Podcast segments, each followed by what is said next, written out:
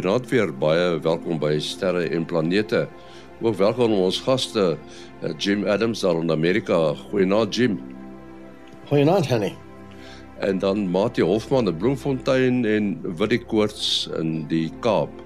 Uh, ons gesels uh, natuurlik eendag 'n maand met Jim Adams, uh, redelik uitvoerig. En uh, daar's 'n interessante storie Jim.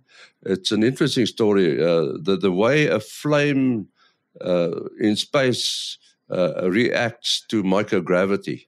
Uh, is that important? Oh, it's terribly important. Um, and if you were to look, if you were to light a candle on the International Space Station, it wouldn't look like it does on Earth. Uh, you know, the you know, on Earth, the gravity kind of holds the uh, heavier gases down, and then the lighter gases are buoyant and they float up into space. And so you end up with this characteristic teardrop shape for a fire flame. On the International Space Station, they've actually got this experiment that where they were able to play with fire on the International Space Station. And the flames look a little bit more like spheres, or maybe a little bit like uh, if you were to light a candle, it might look like a dandelion almost. You know, it's just a, a ball um, around, and it has to do with the fact that there's less gravity, um, creating a, a, gradient buoyancy effect uh, in the International Space Station. I think you, you can probably summarize it by saying that in microgravity, uh, hot hot air doesn't rise. Uh, I mean that's fundamentally yes. what's what's wrong here. Right. Yeah. I mean, it still displaces the colder air, but it doesn't. It yes, it doesn't want to rise. Yeah. Just uh, to to link up to that, uh, if you are visiting a restaurant and there's a candle on the on the table, it's always a nice demonstration for the physicists to explain to to the other guests that uh, they should feel the difference.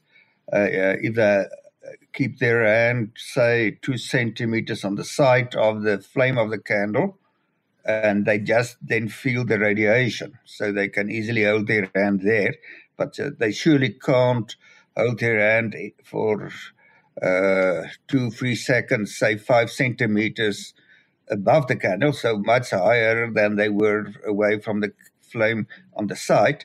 But that's due to the convection, the hot air going up but that demo will not work uh, in the space station because if you hold your hand above the candle, it also will also just be the radiation hitting your hand and not any convection. I wanted to ask you uh, when you try to light a candle in space or in microgravity, uh, you, you explained what it looks like, but is it easy to light a candle? So the you know the thing that creates a flame is is a, a medium and a and a fuel an oxidizer and a fuel. And so um, it's just as easy to light a flame on the space station as it is on earth because you've got plenty of oxygen in the atmosphere and you've got the um, you know whatever it is you're trying to burn. It could be a candle wick could be um, anything else. So it's it's not as difficult. It's not difficult to start a flame. And in fact, that's why NASA studies flames in space because they want to know how fire will start and propagate on board these future space missions because you can imagine being in a contained environment and some sort of fire breaks out. I mean, we lost the Apollo 1 astronauts due to that exact problem. Uh, so there is this experiment on board the International Space Station called ACME, which is a an acronym that stands for Advanced Combustion via Microgravity Experiments. And since 2017, they have, um, uh, in a controlled way and with a lot of research, they have lit, lit over 1,500 fires for research on board the International Space Station. They were contained and they were small. They changed things like the ratio of fuel to oxygen. They changed uh, the kinds of ways, um, kinds of things that were being lit. They they changed uh, whether or not there were electric fields. They measured electric fields. They looked at the whether or not they could design flames and make them um, non-spherical. and um, uh, they did a, a, number of different things over these seven, uh, 1,500 experiments.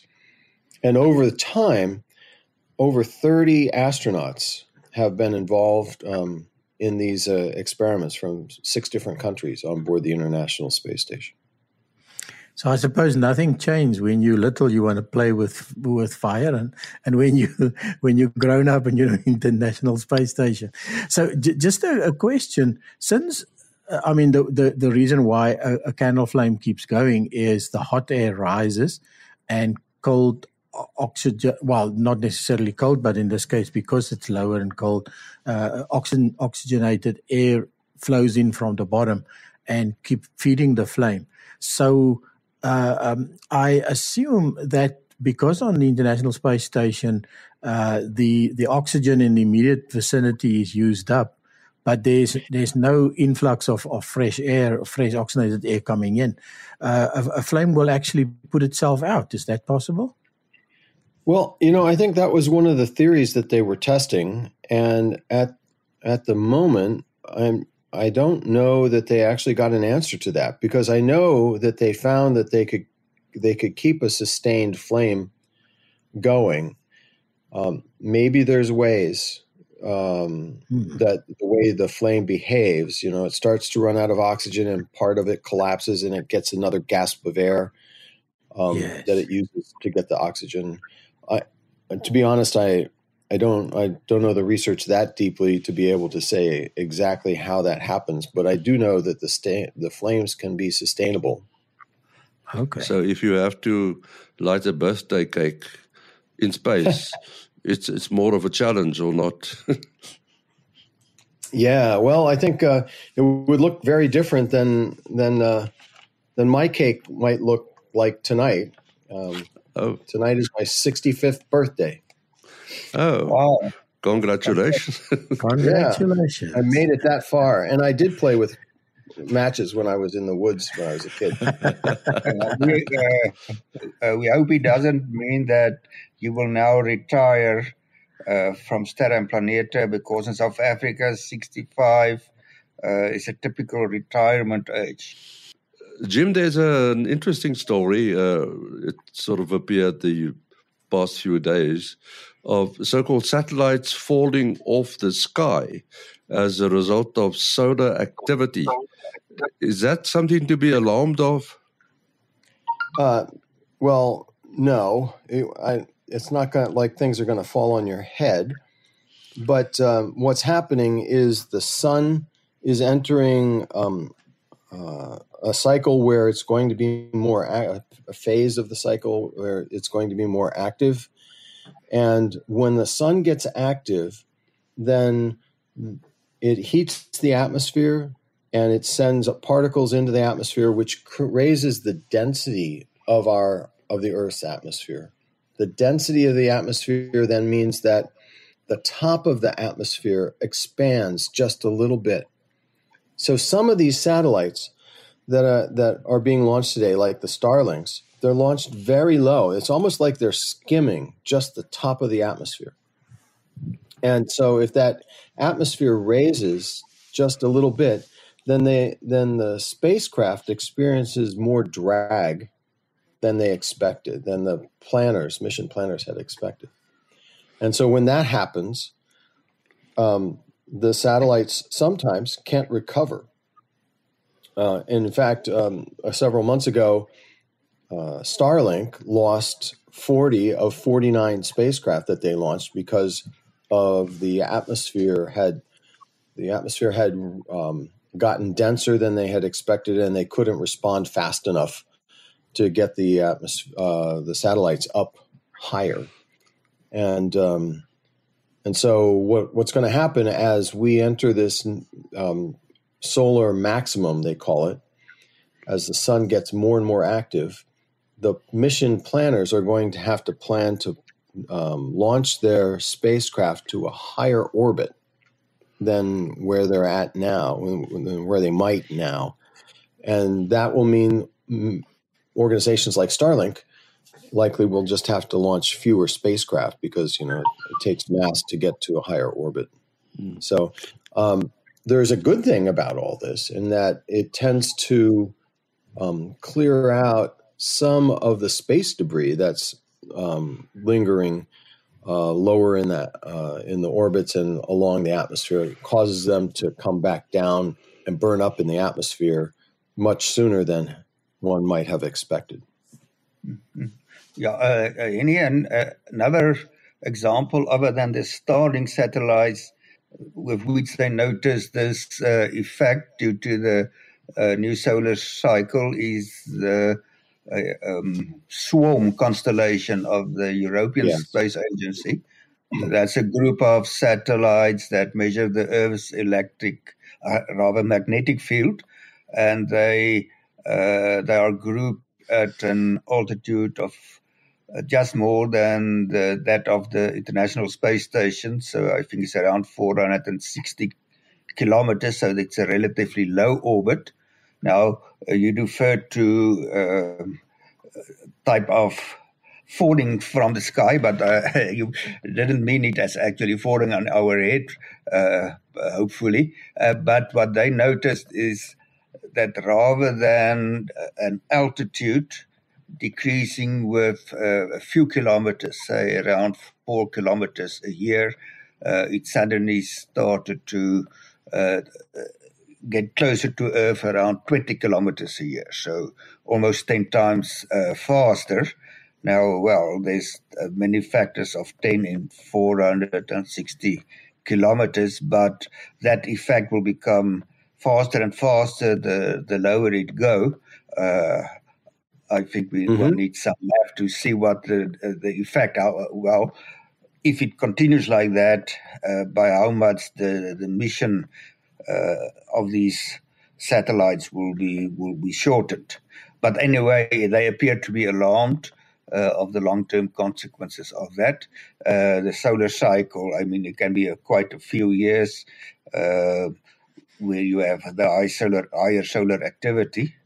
My question would just be, but I mean, it had been like this since the start of the space age, but maybe they are more inclined to low, lower Earth uh, uh, orbits closer to the Earth than than in the past. I'm not sure whether that may be a reason why they are more concerned about it now than in the past.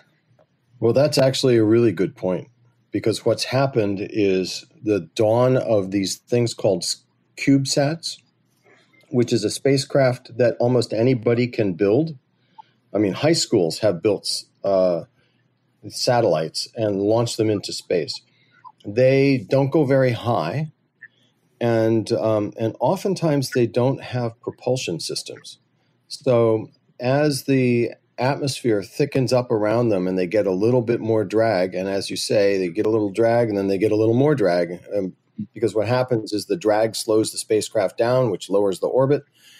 Then it gets more drag, and then it slows it down, and it gets uh, lowers the orbit some more, and ultimately it just um, spirals into the Earth. Um, but but the popularity of CubeSats and and small satellites has grown dramatically over the last ten years, such that we've got a lot of little tiny satellites skimming along the top of the atmosphere um, that will now be affected by um, the sun entering its maximum period. As that happens, some of the spacecraft will be able to boost their orbit back up because they've got propulsion systems, and others may not, and so they will they will circle in and burn up in the atmosphere.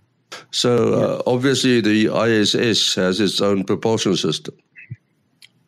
The ISS has its own propulsion system, and visiting spacecraft often give it a boost as well. So, um, like the, I remember the international or the space shuttle would give a boost to the ISS as they uh, as they were leaving. They would give a little um, thrust up so that this the space station would uh, would move to a slightly higher atmosphere uh, altitude. But yeah, this this will dramatically affect the International Space Station. There'll be more and more um, boosts, reboosts of the ISS to higher al- altitudes as the sun reaches its maximum um, over the next three, four years. Yeah, in fact, if you go to our favorite page, we often mention here heavens uh, uh. Uh, you, you, will see there's actually a um, a thing called the height of the ISS, and um, and in fact, if you if you go there, then you can see this typical sawtooth uh, as it's sort of uh, um, losing height and and then and then having to be boosted again. Um, and uh, and it'll be interesting to to watch this over some time because they give it over about the last three years. So it'll be interesting to see if that sawtooth now sort of increases.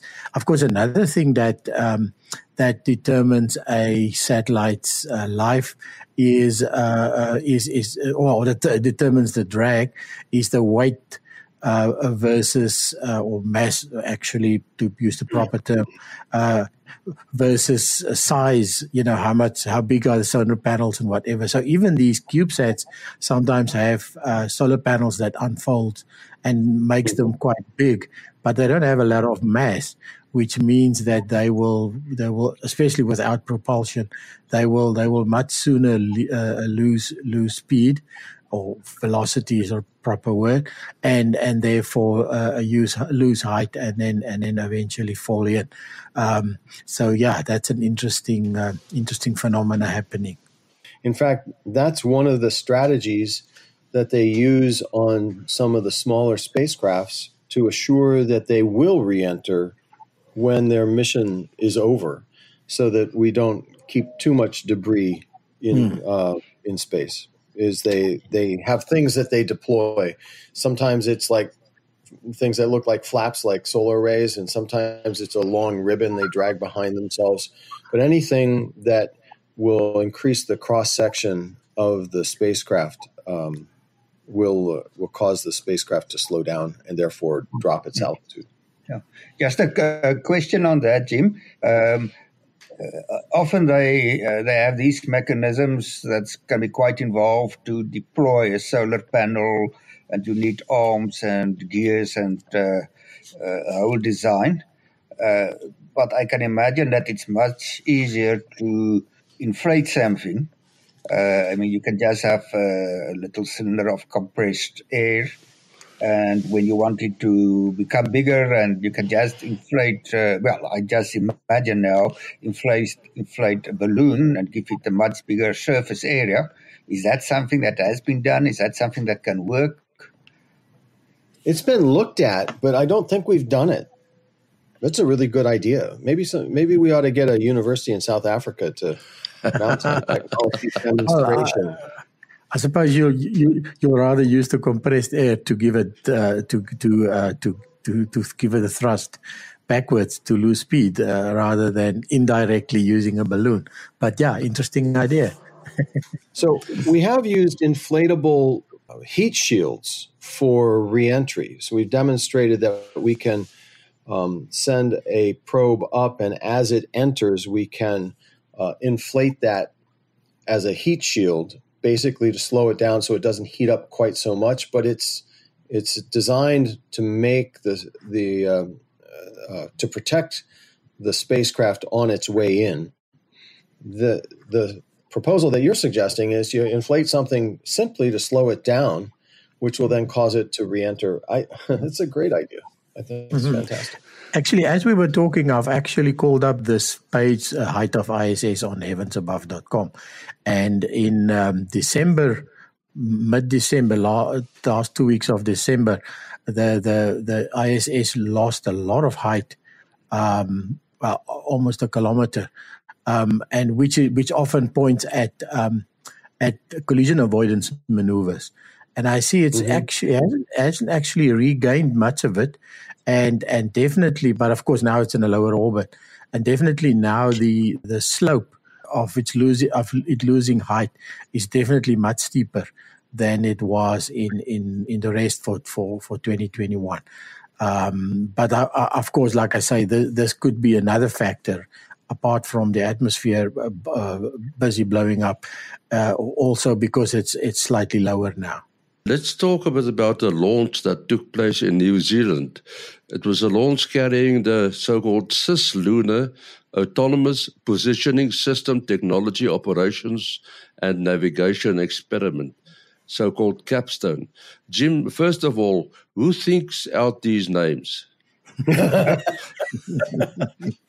an art in itself, isn't it? You know, um, well, I know what happens is people come up, they want a catchy name, and then they try and fit the uh, the words that describe the mission to the name.